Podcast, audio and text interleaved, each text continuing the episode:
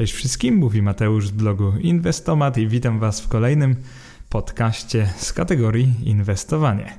Będzie to bardzo fajny, lekki i przyjemny podcast o tytule Tanie inwestowanie, najtańsze konta maklerskie, akcje i ETF-y. Dzisiaj będziemy mówić, tak jak głosi tytuł zresztą, o ofercie polskich kont maklerskich, jeżeli chodzi o instytucje, będą to domy i biura maklerskie, bo tak właśnie nazywają się takie instytucje. Zazwyczaj są one tak zwanymi przybudówkami do banków, czyli zwykle jak już posiadacie konto w danym banku, to prawdopodobnie też możecie tam otworzyć konto maklerskie. Tylko kwestia jest taka, czy się opłaca je otwierać akurat tam. Dzisiaj porównam oferty kont maklerskich, jeżeli chodzi o rynek polski, czyli GPW i Catalyst oraz New Connect oczywiście. E, pierwszą kategorią będą polskie akcje i ETF-y, czyli te ETF-y, które są notowane na polskiej giełdzie. Drugą z kategorii będą rynki zagraniczne, które w naszym polskim tłumaczeniu zazwyczaj oznaczają Stany Zjednoczone, Niemcy, Wielką Brytanię i jeszcze garstkę rynków europejskich, a bardzo rzadko kiedy Azję. Bo tak naprawdę w tej chwili nie znam polskiego konta maklerskiego, które oferowałoby prosty dostęp do rynków azjatyckich.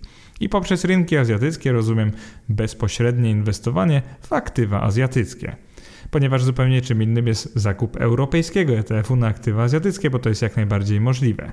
Trzecią kategorią będzie konto do polskich obligacji, czyli tych notowanych na rynku Catalyst, czyli po prostu obligacji z rynku wtórnego. I mowa tutaj o wszystkich rodzajach obligacji, które poruszaliśmy w tej serii o obligacjach, również w moim podcaście, również na moim blogu mianowicie obligacji skarbowych, spółdzielczych, komunalnych oraz korporacyjnych. Następnie porównamy sobie tak całościowo te oferty oraz omówimy też ofertę kont maklerskich IKE oraz IKZE, czyli tych kont emerytalnych, które tak bardzo Wam zwykle polecam, ponieważ pozwalają one ominąć podatek belki. Czyli jakby nie patrzeć, każdy, kto inwestuje tak naprawdę długoterminowo, czyli tak jak ja przez wiele, wiele lat, powinien zawsze każdy rok zaczynać od wpłat właśnie na te konta IKE i IKZE, ponieważ podatkowo nam się to najbardziej opłaca. Simple as that. O samym IKX właśnie nagrywam kolejny podcast oraz piszę kolejny blog post, także niedługo ukaże się na moim blogu także wpis oraz podcast właśnie o tym. A póki co zachęcam Was do przesłuchania tego podcastu, czyli Tanie Inwestowanie. Jak już mówimy o tanim inwestowaniu, to warto by wspomnieć o tym, że nie wystarczy samo tanie konto maklerskie, ponieważ chodzi o coś więcej. Przede wszystkim chodzi o wybór najtańszych aktywów, ale jak już wybierzemy najtańsze aktywa, to też warto by kupować te najtańsze aktywa poprzez na przykład najtańsze ETF-y. Więc uprośćmy sobie maksymalnie inwestowanie, sprawmy, że już na samym początku będziemy mniej tracić, a nawet zyskiwać, wybierając zarówno najtańsze konto maklerskie, jak i najtańsze rynki finansowe na świecie oraz najtańsze ETF-y na te najtańsze rynki. Także postarajmy się w tych trzech płaszczyznach działać jak najtaniej, ponieważ no pewna mądrość w świecie inwestowania mówi, żeby przede wszystkim nie przepłacać. I zauważcie, że przepłacać możemy na podatkach, przepłacać możemy na prowizjach, na jakichś opłatach pasywnych, o których nie wiedzieliśmy, na jakichś opłatach na przykład nałożonych na wypłaty z konta maklerskiego, więc chcemy tych opłat uniknąć jak najbardziej. Także sam podcast zaczynamy od porównania właśnie polskich kont maklerskich. Zacznijmy od kategorii polskie akcje i ETF-y. Poprzez polskie akcje i ETF-y mam na myśli akcje około 440 spółek obecnie notowanych na GPW i zastrzegam, obecnie to znaczy listopad-grudzień 2020 roku. Następnie są to akcje około 390 spółek obecnie notowanych na New Connectie, czyli na tej małej giełdzie, małych spółek takich podobnych do startupów lub trochę większych startupów oraz pod pojęciem ETF-y z GPW rozumiem 8 ETF-ów od Lixora i Bety, obecnie notowanych na GPW. Z tego co słyszałem, niedługo już zatwierdzone będą prospekty kolejnych trzech ETF-ów od Bety, czyli Agio Funds, no i niedługo będziemy mieli 11 ETF-ów na GPW, a nie tylko 8, więc to jest oczywiście bardzo dobra wiadomość. Jeżeli chodzi o tą kategorię, oferta domów maklerskich jest całkiem szeroka, ponieważ yy, tak naprawdę wszystkie domy maklerskie, które działają w Polsce, oferują nam dostęp właśnie do akcji oraz do ETF-ów z GPW. W chwili obecnej najlepsze trzy oferty, według mnie, jeżeli chodzi o prowizję, to miejsce pierwsze to jest dom maklerski XTB, który oferuje darmowy handel akcjami i ETF-ami z GPW przy minimalnej kwocie inwestycji 500 zł i nie przekraczając miesięcznego obrotu w wysokości 100 tysięcy euro, czyli naprawdę trzeba mieć duży obrót, żeby to przekroczyć. Jeżeli chcecie założyć konto w XTB, służy do tego również mój link afiliacyjny. Jeżeli założycie to z mojego linku, to uzyskam jakieś 30 dolarów brutto, tak żebyście rozumieli, co z tego będę miał. E, żebym dostał te pieniążki, musicie konto założyć, wpłacić depozyt około 2000 zł, jeżeli dobrze pamiętam, i dokonać jakiegokolwiek zakupu, jeżeli chodzi o akcje i ETF-y i wtedy właśnie otrzymuję około 30 dolarów. E, będę Wam bardzo wdzięczny, jeżeli to zrobicie, ale poczekajcie jeszcze, bo na samym końcu tego rozdziału podcastu powiem Wam o pewnych wadach tego konta, ponieważ nie jest to tak, że jednoznacznie je polecam, po prostu bardzo fajna jest ta promocja na darmowe zakupy oraz sprzedaż akcji ETF-ów. Jeżeli chodzi o miejsce drugie, w tej kategorii polskie akcje ETF-y. Jest to dom maklerski BPS. E, niezmiennie wygrywa on swoją no, niską, bardzo niską bym powiedział, bo procentowo jest to tylko 0,13% prowizją transakcyjną. To jest naprawdę mocne drugie miejsce i niezaprzeczalnie najlepsza poza XTB oferta dotycząca GPW. Więc jeżeli ktoś chce inwestować tylko na GPW i akurat nie chce XTB, no to moim zdaniem powinien wybrać konto w DM BPS. Trzecią ofertą, jeżeli chodzi o to top 3 polskiej giełdy, jest biuro maklerskie ING. I właśnie ING zajmuje trzecie miejsce, zwłaszcza dlatego, że w tej chwili ma taką promocję na ETF-y z GPW, w tej chwili ta prowizja wynosi 0,1%, minimalnie 1,5 zł, więc jest to bardzo dobra oferta. Ona chyba kończy się pod koniec grudnia, ale jeszcze nie wiadomo, czy ING zdecyduje się przedłużyć, czy nie. Podkreślam, że chodzi o ETF-y notowane na GPW, więc tylko te kilka papierów. Jeżeli chodzi o ING, to prowizja na akcje z GPW też nie jest taka zła, bo wynosi 0,3%, a minimalna jej kwota to są 3 zł. Więc naprawdę jest to całkiem nieźle. Jednocześnie jest to jedna z lepszych ofert na właśnie polskim rynku kont maklerskich. To by było na tyle, jeżeli chodzi o handel na GPW. Przejdźmy zatem do rynków zagranicznych. Tak jak mówiłem, zazwyczaj jest to rynek amerykański, niemiecki, brytyjski i mo być może kilka innych, np. francuski i belgijski. Jeżeli chodzi o tą ofertę, to już tylko niektóre domy maklerskie w ogóle oferują handel na rynkach zagranicznych.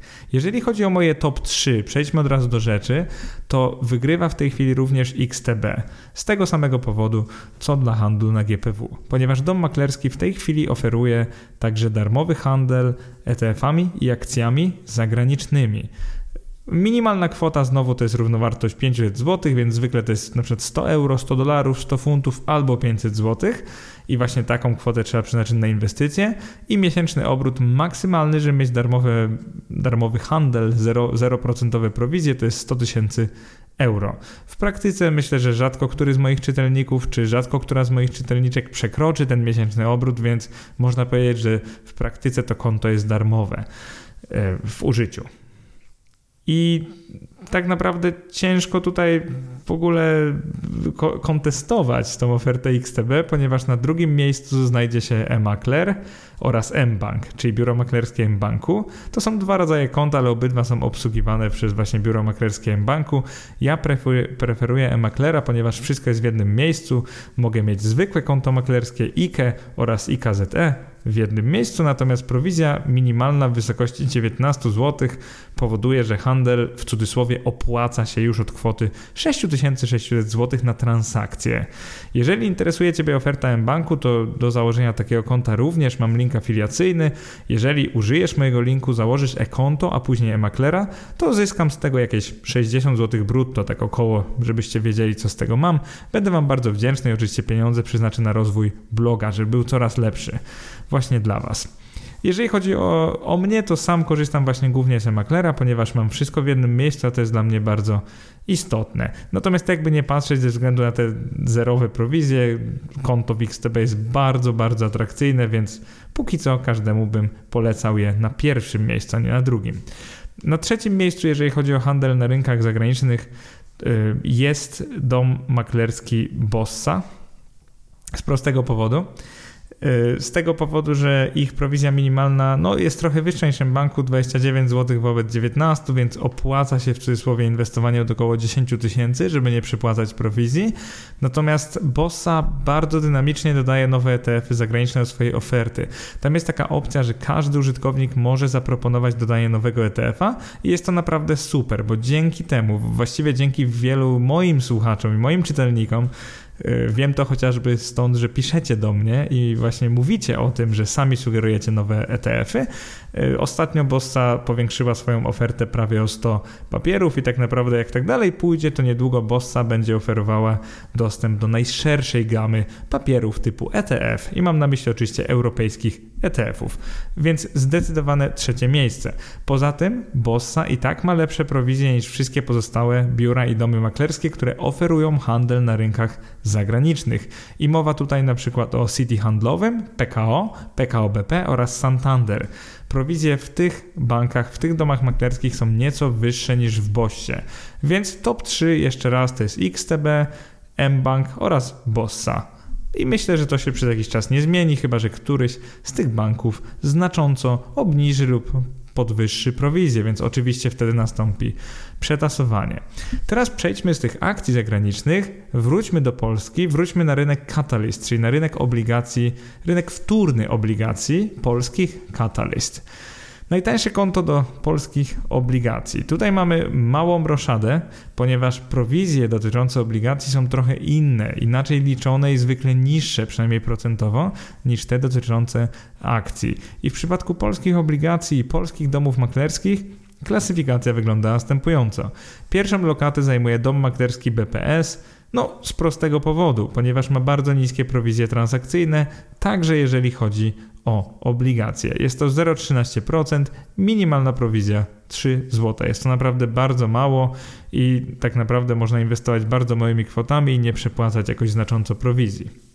Drugie miejsce w przypadku obligacji z rynku Catalyst przypada Exequo Alior Bankowi i BNP Paribas, ponieważ obydwa te banki mają biura maklerskie, które oferują całkiem niskie prowizje transakcyjne, jeżeli chodzi o obligacje.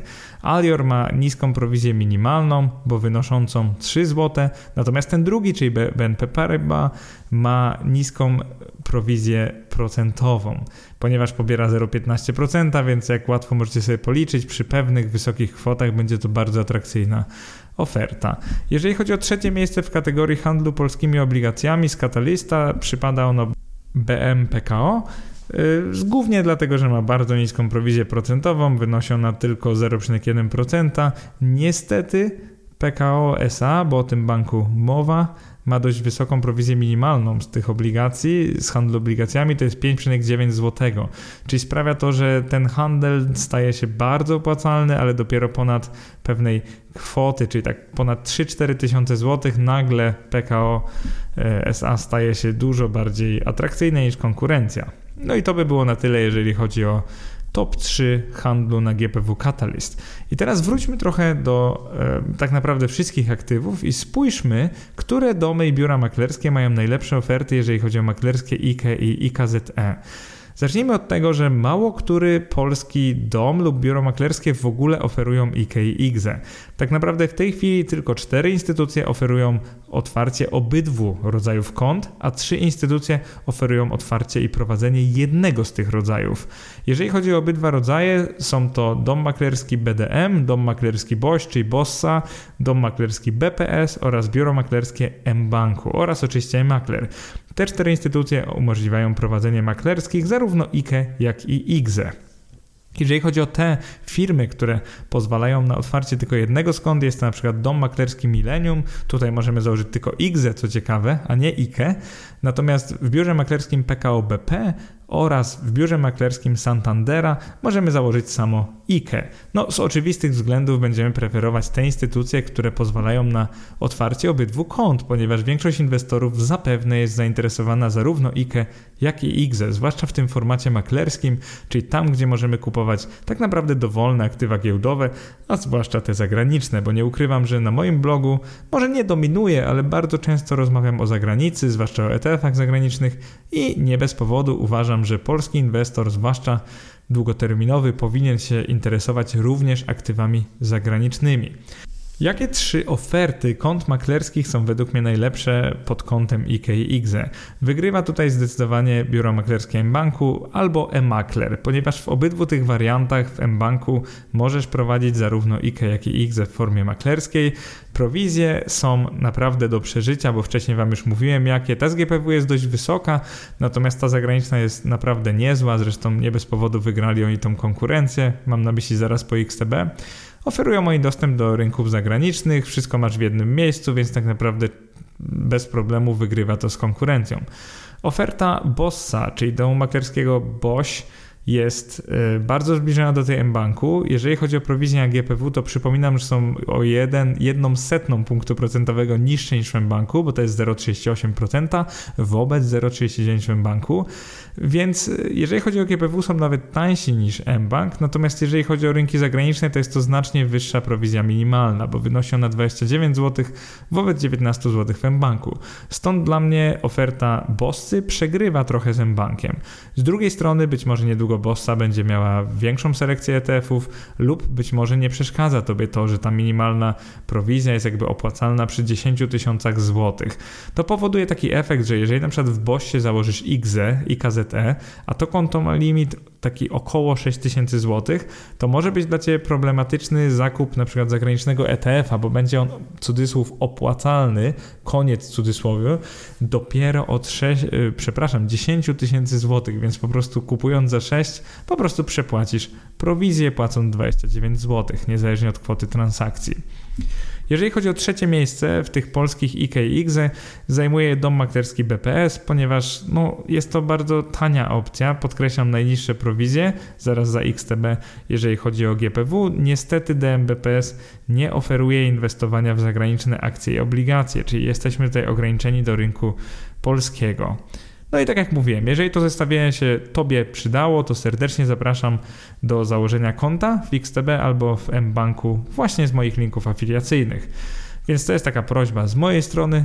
Natomiast my idziemy dalej, czyli teraz, jak już wiemy, które konta maklerskie są teraz najtańsze, to weźmy pod lupę to, to które wygrało, czyli XTB, ponieważ ma ono kilka małych wad i niedociągnięć, więc żebyście nie oskarżyli mnie o jakąś stronniczość, chciałbym Wam wymienić te wady XTB, które udało mi się znaleźć przez te kilka tygodni dyskusji z Wami oraz użytkowania tego konta. Pierwsza wada to jest to, że przy zleceniu na zagraniczne papiery wartościowe w złotówkach poniesiemy dość wysoką opłatę za przewalutowanie, czyli jeżeli na przykład mamy konto złotówkowe w XTB, a kupujemy coś w euro, no to XTB narzuca marżę na taką transakcję, że to jest 0,5% kwoty całej transakcji. I teraz ciekawostka jest taka, że jeżeli dojdzie do takiej sytuacji i na przykład kupujecie za złotówki zagraniczny ETF, to uważajcie na to, bo ten ETF kupujecie w euro albo w dolarach najprawdopodobniej i zauważcie, że 0,5% transakcji to jest więcej niż w niektórych domach maklerskich prowizja transakcyjna.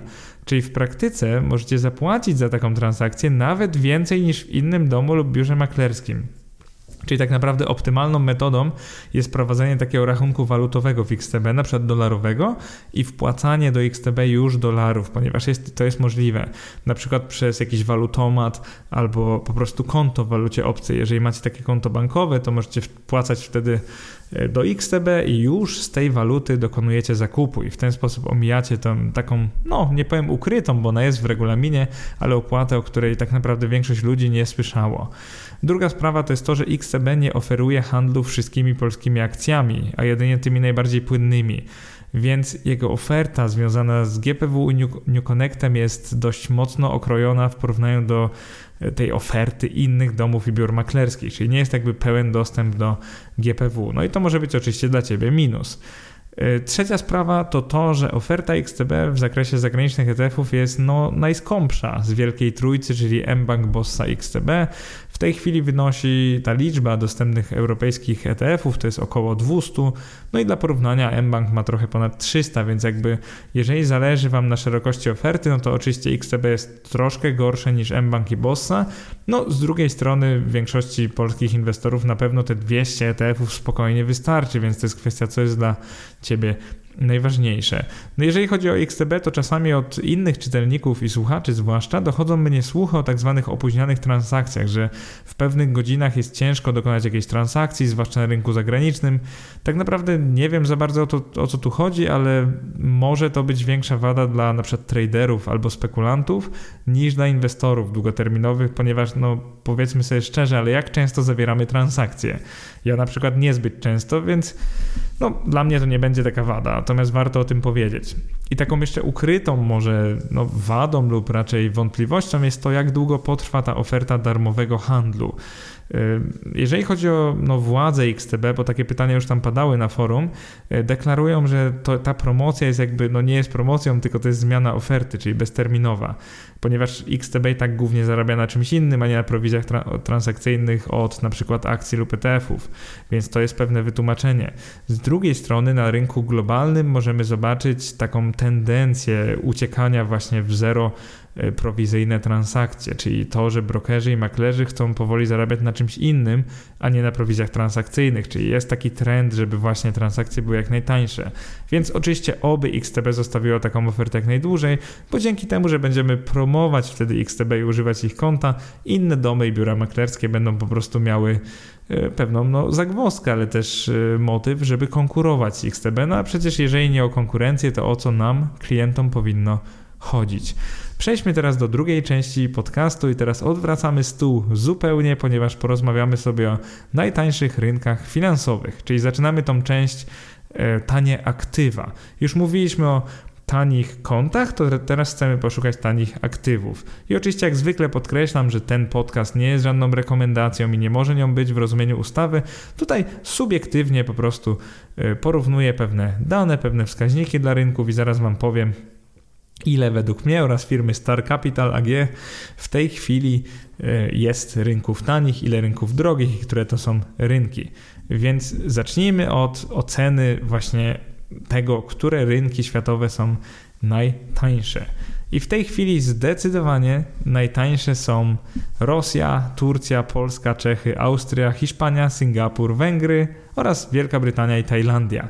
I tą listę, którą Wam podałem, to jest po współczynniku KAPE, czyli cena do zysku dziesięcioletnia, to jest też Schiller PE zwane i ten współczynnik dla tych rynków, które właśnie wymieniłem wynosi tak maksymalnie 12. I co to KAPE czy CAPE? Zależy w jakim języku, co tak naprawdę ta liczba znaczy. Jest to, tak jak nie wiem, czy kojarzycie cenę do zysku, to może jeszcze raz Wam trochę opowiem. CZ, czyli cena do zysku, to oznacza mniej więcej to, w ile lat, zakładając identyczny jak obecny zysk średniej spółki w danym indeksie zwróci się inwestorowi inwestycja właśnie w taką średnią spółkę.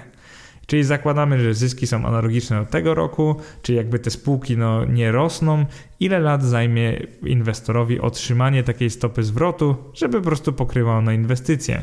Czyli przykładowo, jeżeli cena do zysku wynosi 10, no to w tyle lat spodziewamy się zwrotu z inwestycji, że jakby spółka zarobi sama na siebie i na przykład wypłaci zysk w dywidendach, co się oczywiście nie zawsze dzieje.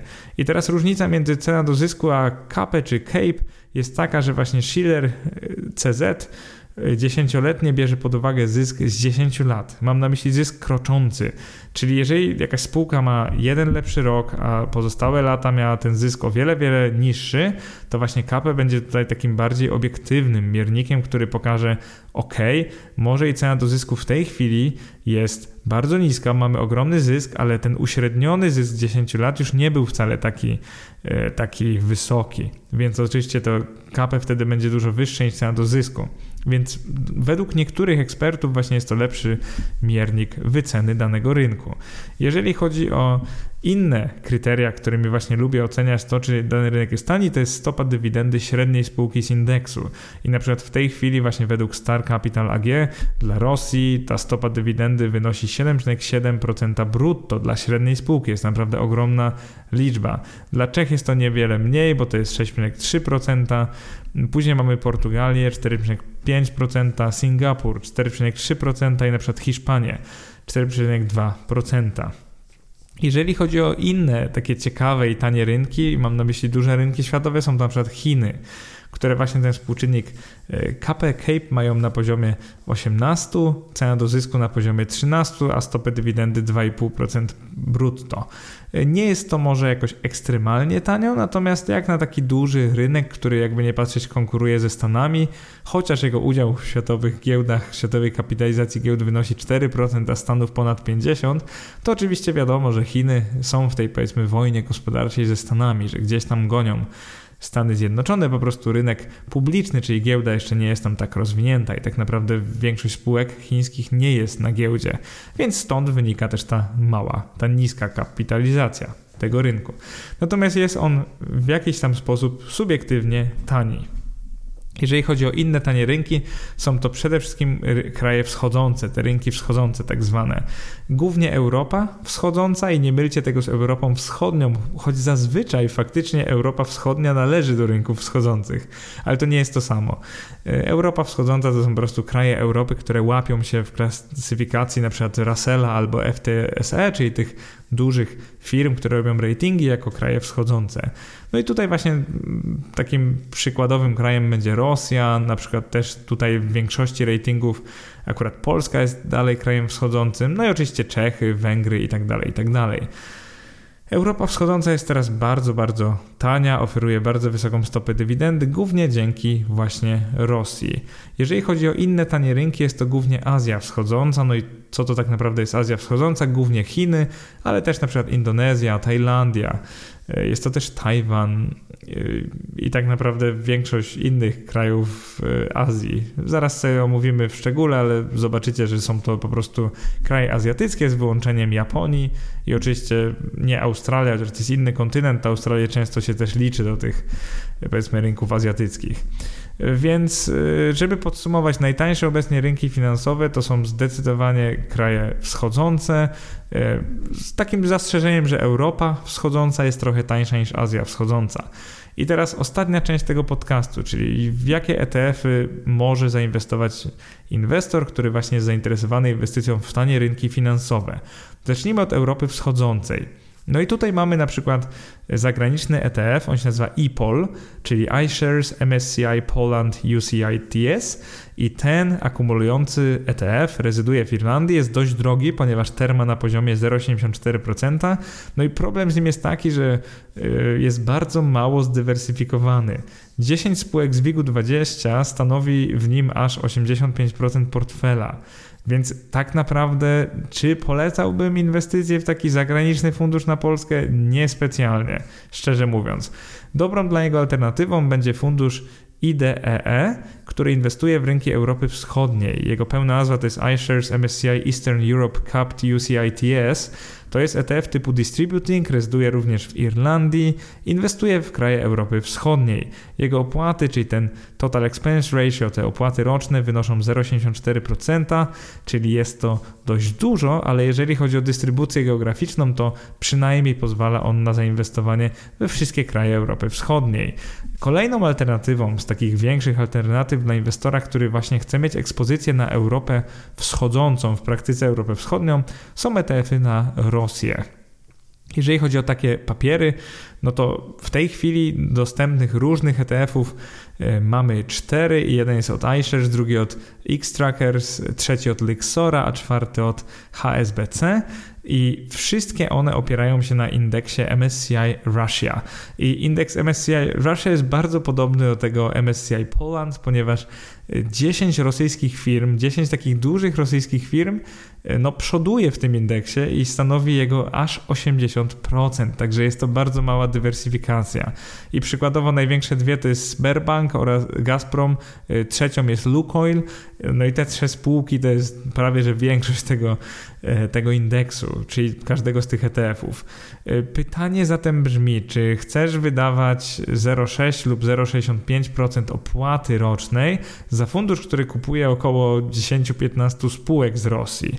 I właśnie przez to sugerowałbym, żeby jednak ETF na Rosję nie był takim głównym składnikiem Twojego portfela, a najwyżej, żeby był jego takim dopełnieniem, czyli na przykład jeżeli inwestujesz, zaraz sobie o tym opowiemy, na przykład w MSCI Emerging Markets albo MSCI World w jakimś tam, e, w jakimś tam proporcjach, to ten MSCI Russia może być takim dobrym dopełnieniem do Twojego portfela, natomiast absolutnie nie powinien być jego e, takim clue, jego bazą. E, pomówmy teraz krótko o ETF-ach na Azję Wschodzącą e, z zastrzeżeniem, że szukamy takiego, które ma niskie opłaty. Jeżeli chodzi o e, fundusze ETF, które opierają się na Chinach, to mamy tutaj dość szeroki wybór, bo takich różnych funduszy mamy 5 albo 6. Większość z nich opiera się na indeksie MSCI China, z czego najtańszym jest ETF o tickerze CNYA. CNYA ze stajni iShares. On oparty jest właśnie na tym indeksie MSCI China.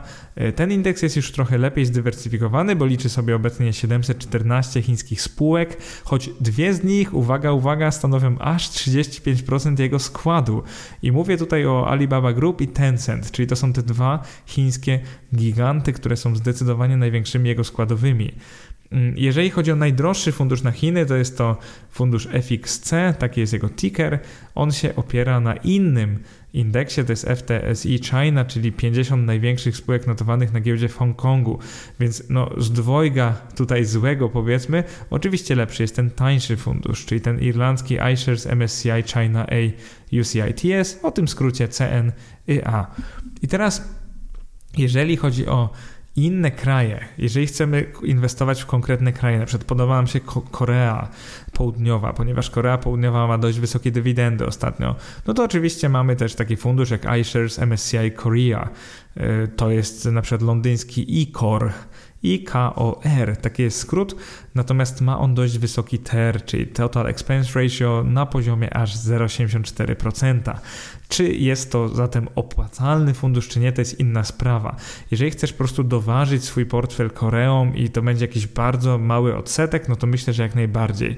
Jeżeli to ma być no, gro, większość Twojego portfela, no to oczywiście unikałbym tak drogich ETF-ów. Jeżeli chodzi o selekcję ETF-ów na konkretne kraje Azji Wschodzącej, mamy do wyboru również Filipiny, Hongkong, Indonezję, Malezję, Singapur, Tajlandię czy Wietnam.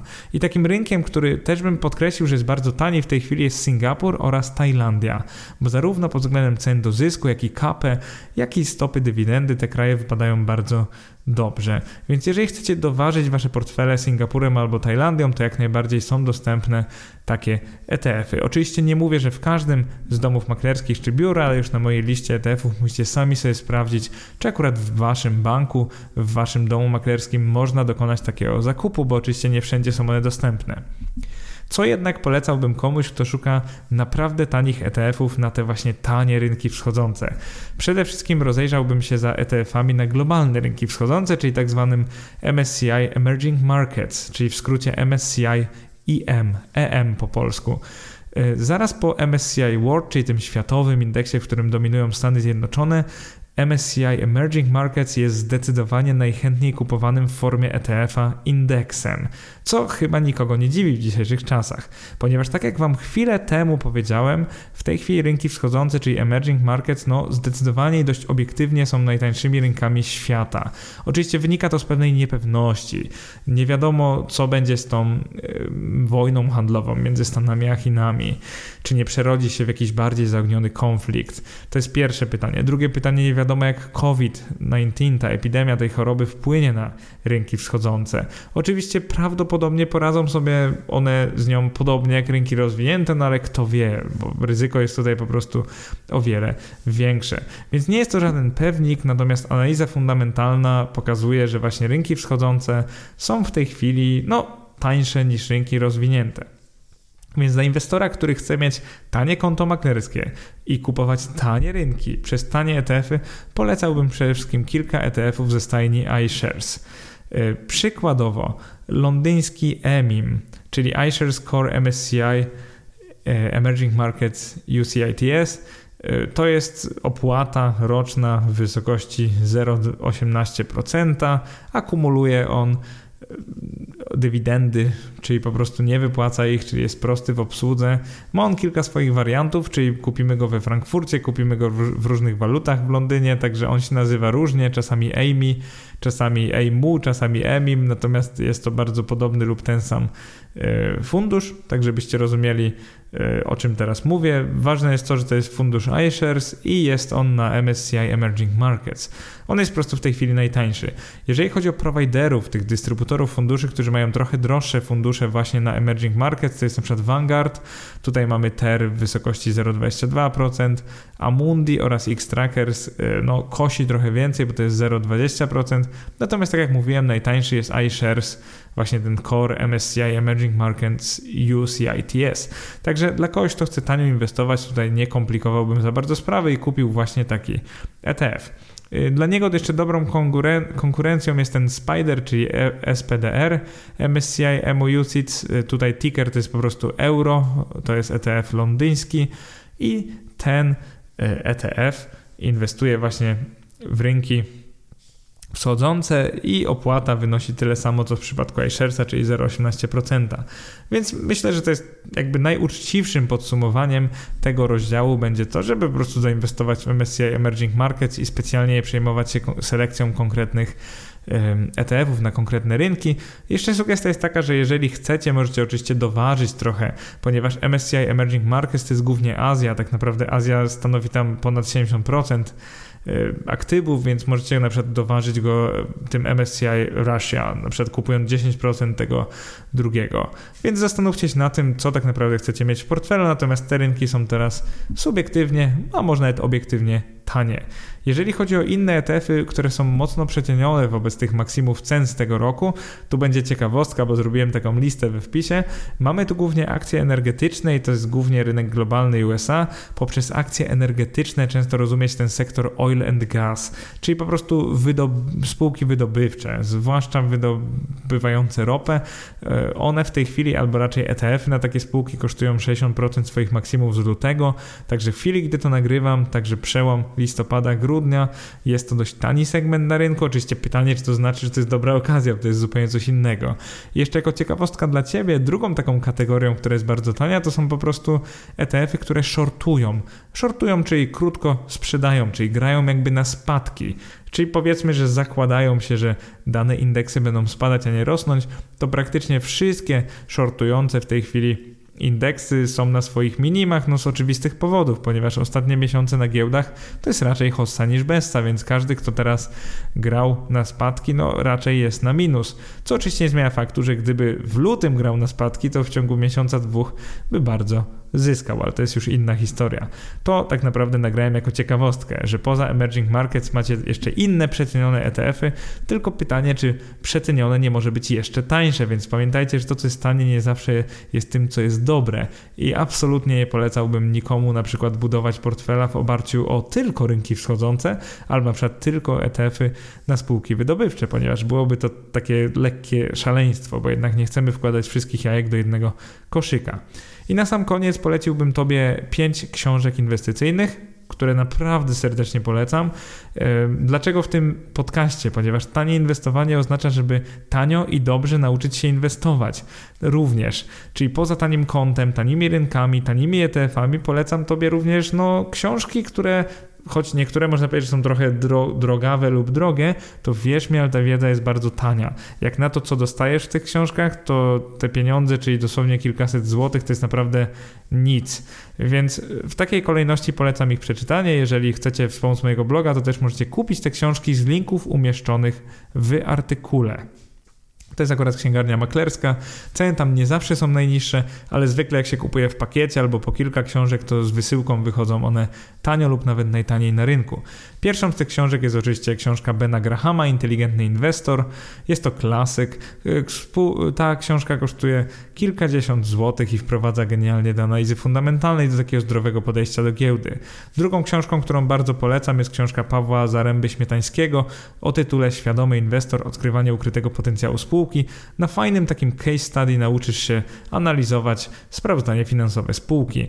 Kolejną fajną książką jest książka Phila Fischera, czyli Zwykłe akcje, niezwykłe zyski. On opowiada takie podejście, gdzie szuka raczej jakości niż tej niskiej wyceny spółki, co jest też mega, mega ciekawe i na pewno przypadnie Ci do gustu. Czwartą książką, którą bardzo lubię i bardzo polecam, jest taka y, mini poradnik wyceny. To jest książka Aswata Damodarana, którego swoją drogą sam czytuję po godzinach. Książka nazywa się Wycena firmy, storytelling i liczby i bardzo fajnie też jest kilka takich case study, które właśnie przeprowadzają nas przez model wyceny spółek. Ostatnią książką, taką trochę bym powiedział hardkorową, bo jest bardzo długa, jest po angielsku, jest też książka Bena Grahama, Security Analysis. Jest ona dość droga, bo jest po angielsku, e, ciężka do zrozumienia i taka właśnie toporna, więc polecam ją tylko no, takim ludziom, już prawie ekspertom. I oczywiście serdeczne dzięki, jeżeli kupicie którąkolwiek z tych książek z moich linków, które są na blogu. E, jeszcze raz Wam za wszystko dziękuję. Myślę, że to było na tyle, bo nie ma co przedłużać. Dzięki za wszelkie wsparcie, miłe komentarze, fajne maile, wiadomości na Facebooku. Oczywiście bardzo dziękuję z góry, jeżeli będziecie promować mojego bloga, polecać go znajomym i no cóż, przede wszystkim promujmy mądre i tanie inwestowanie, bo przecież o to chodzi. Cześć!